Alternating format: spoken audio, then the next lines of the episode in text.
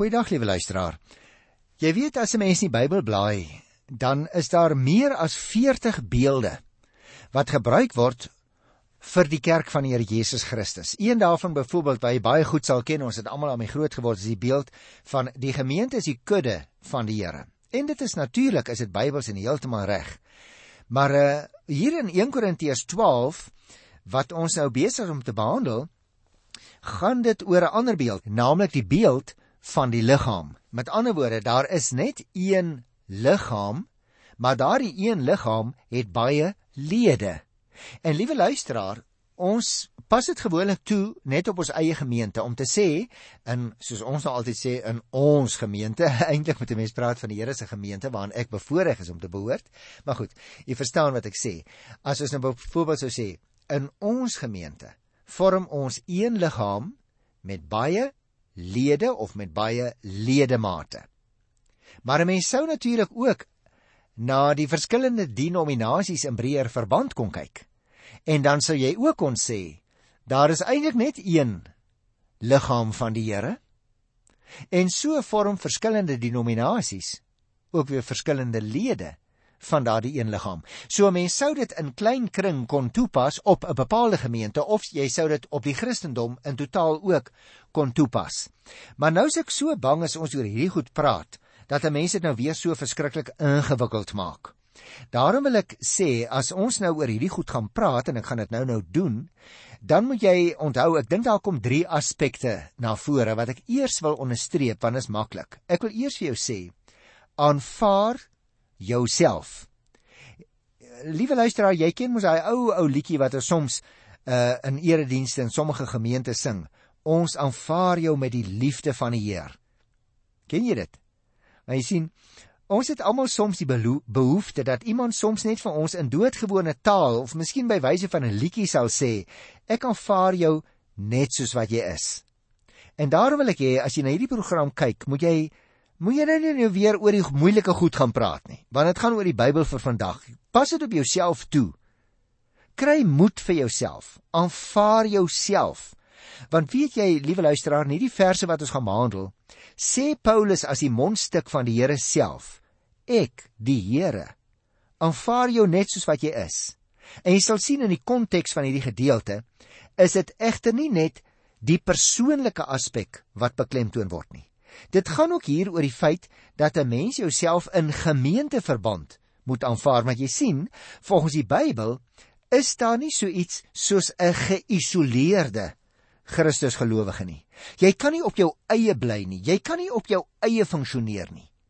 Miskien sê jy ja, maar ek het net een funksie. Ek kan net by die deure staan en die ouens welkom te sê. Dan is dit goed so, maar dan, dan is die gemeente nog steeds jou diensgebied. Kom ek kyk byvoorbeeld na 'n sterk duispier. Né? Nee, jou duispier is baie sterk. Hy tel jou been op. Hy help jou as jy 'n naloper is om vinnig weg te spring. Maar op sy eie is daai spier niks werd nie. Van geen betekenis nie, van geen waarde nie. Maar wanneer hy saamtrek, beweeg die been en uiteindelik so die hele liggaam. Of as die kuitspier saamtrek, dan word die liggaam opgelig gestaan 'n mens op jou tone. Geen ander spier kan jou hierdie funksie laat verrig nie. En sonder jou is die hele liggaam ook immobiel. As jy in die gemeente die duispier is, jy's nie 'n vinger nie. En jy verrig nie jou funksie daar waar die Here jou geplaas het met daai spesifieke gawe nie. Dan help jy nie die gemeente opbou nie. Daarom aanvaar jouself. Kry vandag moed vir jouself in gemeenteverband, want jy het 'n spesifieke funksie, net soos 'n duispier of net soos 'n vinger. Die tweede ding wat jy moet opmerk wanneer ek hierdie gedeelte behandel, jy moenie net jouself aanvaar nie, aan nommer 2, aanvaar ook ander gelowiges. Dit sou byvoorbeeld, liewe luisteraar, moontlik wees dat een spier dink hy's nou besonder belangrik, né? Aan die ander kant is dit waar. Op sy eie is die spier eintlik baie onbelangrik. Op sy eie as hierdie spier nie funksioneer nie, bly die liggaam net op een plek staan, maar aan die ander kant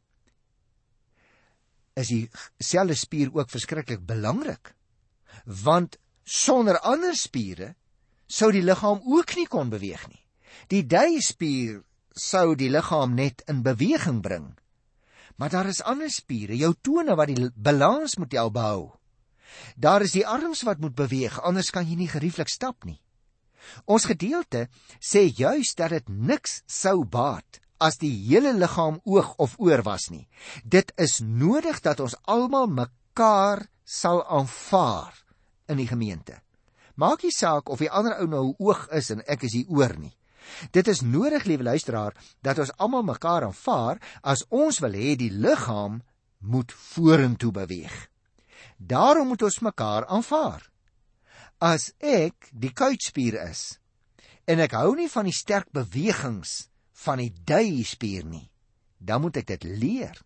Jy sien, sonder hom of sonder haar in die gemeente gaan die liggaam bly staan net waar hy is. Dit is dus nodig dat ek nommer 1 myself aanvaar. Maar dit is nommer 2 nodig dat ek ook ander Christene met hulle gawes aanvaar. Ons is almal nodig in die gemeente. En daarom die derde ding, lyk dit vir my wat 'n gedags verdagse gedeelte baie sterk na vore kom is aanvaar jou roeping. Ja, aanvaar jouself, aanvaar die ander, maar aanvaar jou persoonlike roeping. Dit is natuurlik moontlik dat 'n liggaam al sy lede kan hê, maar tog 'n mobiel in 'n stoel bly sit of in die bed bly lê. En hoe langer 'n spier nie gebruik word nie, hoe maarder word hy, hoe meer teer hy uit en hoe swakker word die liggaam. Solank as wat jy, liewe luisteraar, nie funksioneer in die gemeente waar die Here jou geplaas het nie. Solank jy nie jou roeping nakom nie, bly daardie gemeente mank loop. Hy kan miskien nie goed sien nie. Of dalk is sy arms te kort. Uh dalk kan hy nie goed hoor nie. Dalk kan jy 'n bydrae lewer sodat die gemeente beter die boodskap kan hoor. Wat wil Paulus ons hiermee leer in hierdie gedeelte van vandag? Dit: aanvaar jou roeping. Aanvaar jouself. Aanvaar ander mense. Nie een van ons kan en behoort op ons eie te funksioneer nie. Daarom kom ons lees nou vers 12 en 13 hier by 1 Korintiërs 12. Net soos die liggaam 'n een eenheid is en baie lede het, En soos al die lede saam, al is hulle baie, een liggaam vorm, so is dit ook met die liggaam van Christus. Met ander woorde, die apostel gebruik die beeld van 'n mens se liggaam. Een liggaam, maar baie ledemate. En nou gaan hy dit toepas op die gemeente en hy gaan sê een gemeente, maar baie lidmate. Omdat ons almal een liggaam geword het, sê vers 13, is ons almal met die een gees gedoop. Of ons nou Griek is of Jood, slaaf of vry, ons is almal van een gees deurdrink. En dit is dus baie belangrik, liewe luisteraar, hierdie vergelyking van die kerk van die Here Jesus met die menslike liggaam. Want jy sien, elke liggaamsdeel het 'n bepaalde funksie wat noodsaaklik is vir die liggaam om as 'n geheel te kan funksioneer. Elke liggaamsdeel het 'n ander doel en taak maar almal werk saam. Christene moet dus baie versigtig wees vir twee foute wat ons dikwels maak, naamlik nommer 1: hoogmoed oor die gawes wat ons ontvang het, en tweedens die gevoel dat ons eintlik nou nie regtig deel van die liggaam hoef te wees nie. Ons kan maar net gaan luister, maar ons hoef nie te help in die opbou nie. Luisteraar, as dit so is, dan moet jy en ek ophou om onsself met ander te vergelyk. En liewer ons geestelike gawes almal saam gebruik om die goeie nuus van die verlossing te leef en dit uit te dra elke dag. Daarom sê die apostel hier in vers 12 en 13: Die kerk is opgebou uit baie verskillende mense wat van uiteenlopende agtergronde afkom. Almal het hulle elkeen sy unieke vermoë en gawe of gawes van die Heilige Gees ontvang. Die verskille wat bestaan, kan die gelowiges maklik verdeel soos inderdaad in die gemeente van Korinte gebeur het destyds. Alle gelowiges moet egter een ding in gemeen hê. En luister nou mooi. Almal moet deur geloof in Christus veranker wees. En hierdie waarheid vorm die grondslag vir die eenheid van die kerk natuurlik. Alle gelowiges het die Heilige Gees ontvang en word daardeur deel van die een liggaam van Christus, naamlik die kerk. Dit beteken dus nie dat ons afstand moet doen van ons individualiteit of ons eie identiteit of ons eie persoonlikheid nie. Die Heilige Gees bind ons saam tot 'n hegte eenheid in Christus. Wanneer mense 'n Christen word, liewe luisteraar, neem die Heilige Gees jou lewe oor en word jy deel van God se familie. Ons behou egter nog steeds ons unieke en uiteenlopende belange en gawes, maar ons het almal een gemeenskaplike doel voor oë. Wat is dit? Om wat ons ook al is of wat ons ook al ontvang het, aan te wend tot eer van God en die opbou van sy gemeente. Daarom is dit dus nodig dat ons sal raak sien in vers 12 en 13 behalwe die verskeidenheid van gawes wys die apostel hier baie duidelik op die aard van die gemeente deur dit met die beeld van die liggaam te verduidelik. Die kenmerkende van die liggaam, sê hy, is dat dit 'n organiese eenheid, is sy woord, vorm. Al het dit ook baie ledemate, hy sê, so is dit ook met die liggaam van Christus. Nou daarmee word natuurlik bedoel dat die lidmate kragtens hulle verbondenheid met die Here Jesus 'n een eenheid vorm soos 'n liggaam. En hierdie eenheid in Christus word deur die Heilige Gees bewerk. Die doop is die seël daarvan. Jy sien ons beklei oor die doop. Ons gewoonlik beklei gewoonlik oor die praktyk van die doop. Die doop is maar 'n seël van hierdie eenheid met Christus. Die eenheid hef egter nie die verskeidenheid op nie. Want sê Paulus, Jood bly Jood, Griek bly Griek, man bly man, vrou bly vrou, maar ons is almal van die een gees deurdrink. Luister na vers 14 tot by vers 17 as ek dit lees. Die liggaam bestaan mos nie net uit een lid nie, maar uit baie. As die voet sou sê, "O, oh, omdat ek nie 'n hand is nie, is ek nie deel van die liggaam nie." Hou hy om die rede tog nie op om deel van die liggaam te wees. En as die oor sou sê, "Omdat ek nie 'n oog is nie, is ek nie deel van die liggaam nie." Hou hy om die rede eweneens nie op om deel van die liggaam te wees nie. Nou vra die apostel vers 17: As die hele liggaam oog was, hoe sou hy kon hoor? En as die hele liggaam oor was, hoe sou hy kon ruik? Met ander woorde, liewe luisteraar, hy pas eintlik net sy beeld toe. Hy sê 'n mens se liggaam bestaan mos nou nie net uit een groot oog en dis die hele liggaam nie. Hy sê hoe sou die oog da, hoe sou die liggaam dan kon ruik? Hoe sou hy kon hoor? Daar is mos ook 'n neus nodig. Daar is mos ook 'n oor nodig. Hy sê so is dit in die gemeente. Ek wil amper vir jou sê luisteraar, dan moet 'n las van jou afval. Want jy hoef nie meer soos iemand anders te wil wees nie. Jy hoef nie meer die gawes van iemand anders te hê nie. Jy hoef nie meer so mooi te kan sing of so mooi te kan blomme rangskik nie. Moenie jou hele lewe bly verlang en bly neig om te wil wees soos iemand anders nie. Jy is uniek. Of jy 'n vinger is of jy net die klein toontjie is, dis irrelevant. Die Here het vir jou so gemaak. Hy het vir jou sekere gawes gegee om jou funksie te kan verrig. Kom ek gebruik 'n simpel voorbeeld. Ek sit nou hier agter die mikrofoon En as julle nou uh, kon sien as dit nou televisie was, dan sou ek nou vir julle gesê het, julle nou mooi kyk. Ek juk hier agter my blad. Ek gaan my nou krap met my voet. En jy sal sê ag ou broer Johan, jy's regtig laf. Want 'n voet is nie gemaak om agter 'n blad te krap nie. en jy's heeltemal reg, luisteraar. Ek sit my hand agter my rug, soos wat ek nou op die oomblik doen. Terwyl ek nou praat, dan verduidelik ek beter. En dan sê my brein vir my arm, lig nou die hand op tot tussen die blaaie. En nou trek die spiere saam hier in my boarm en nou is my hand agter my blad. Nou sê die brein vir die vingers, beweeg nou op en af en dan begin die klein spiertjies van my vingers op en af te beweeg. En wie wat sê my mond? Ah. Hoe kry ek dit reg?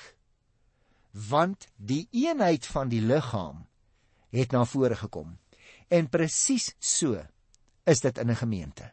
Ek wil vir jou 'n vraag vra. Funksioneer jy in jou gemeente? Kom ek lees vers 18 tot 20. Maar nou het God die lede elkeen van hulle afsonderlik in die liggaam gevoeg, luister mooi, soos hy dit wou hê. Vers 19 sê: As almal saam net een lid was, hoe sou daar 'n liggaam kon wees? Nou is daar wel baie lede, maar net een liggaam. O, oh, is die Here nie wonderlik, liewe luisteraar? Hy het jou en my uniek gemaak, vir ons elkeen 'n taak gegee. Ons moet net ons roeping begin vervul. Nou mens kry dieselfde gedagte in vers 21 tot 26. Ek gaan dit lees. Die oog kan nie vir die hand sê, ek het jou nie nodig nie. Die kop kan weer nie vir die voete sê, ek het julle nie nodig nie. Inteendeel, luister nou mooi. Die lede van die liggaam wat as die swakste voorkom, is juis noodsaaklik. En die wat vir ons minder mooi lyk, klee ons met groter sorg né? Miskien nou ja, eh, die dames gaan vir ons sê, nou my lippe is nou nie so lekker breed soos wat dit moes gewees het nie, so ek gaan nou 'n bietjie meer aandag, groter sorg daaraan gee. Ek gaan 'n bietjie rooi smeer laat as my man weer by die huis kom, hy kan sien hoe kan mooi lippe ek het. Nou ja, dit is so. So moet ons in die gemeente, die persone wat miskien nou nie so opvallend is nie. Ons moet aandag aan hulle gee, sorg aan hulle gee. Dan gaan hulle hulle volle kleur, hulle gaan hulle volle funksie kan vervul Ons moet hulle net die ruimte gee en miskien gebeur dit ook nie altyd in 'n gemeente nie. Maar selfs dit sal nie help dat jy sit en kla nie, liewe luisteraar. Wat is jou funksie? Gaan begin beoefen dit net in die gemeente. Miskien nie in die erediens nie. Wanneer laas jy 'n sieke besoek as jy die gawe van van barmhartigheid ontvang het? Wanneer het jy vir iemand 'n blommetjie gevat of 'n klompie koekies om te eet as jy die gawe van gasvryheid het? Wanneer laas, meneer, het jy wat 'n baie goeie bestuurder is en baie goeie onderrig kan gee aan jou personeel. Wanneer laas het jy daaraan gedink of jy nie dalk ook kan help by die kategese nie? Jy sien ons skei so ons kerklike lewe en ons sekulêre lewe. Dit behoort nie so te wees nie. Hy sê Paulus sê hierso van die 22 23 vers af, so word ons minder aansienlike dele besonder mooi gemaak terwyl die aantreklike dele dit nie nodig het nie. God het die liggaam so saamgestel dat hy groter eer gegee het aan die lid wat eer kort kom, sodat daar nie verdeeldheid in die liggaam sou wees nie, maar dat die lede gelyke sorg vir mekaar dra. Hy sê as een lid ly, ly al die lede saam. As een lid geëer word, is al die lede saam bly. 'n vorige kollega van my wat uh, hier in Lenotrif in Pretoria predikant was, het 'n mooi gebruik ingestel om behalwe die ruiker in die erediens te reël en nou sorg die vroue bediening vandag nog daarvoor dat daar ook wat ons nou maar noem 'n klein ruikertjie is. Nou ja, dit kom maar gewone van die bloemiste af met 'n plantjie daarin. Is nie eers vreeslik duur nie. En elke Sondag uit die erediens stuur ons iemand, ons vra 'n vrywilliger uh wat vir Tansani wat siek is, die rykertjie kan neem, naamlik namens ons almal. Of soms as iemand verloof geraak het, dan stuur ons ook dieselfde ou rykertjie wat die Sondag uitgedeel kan word.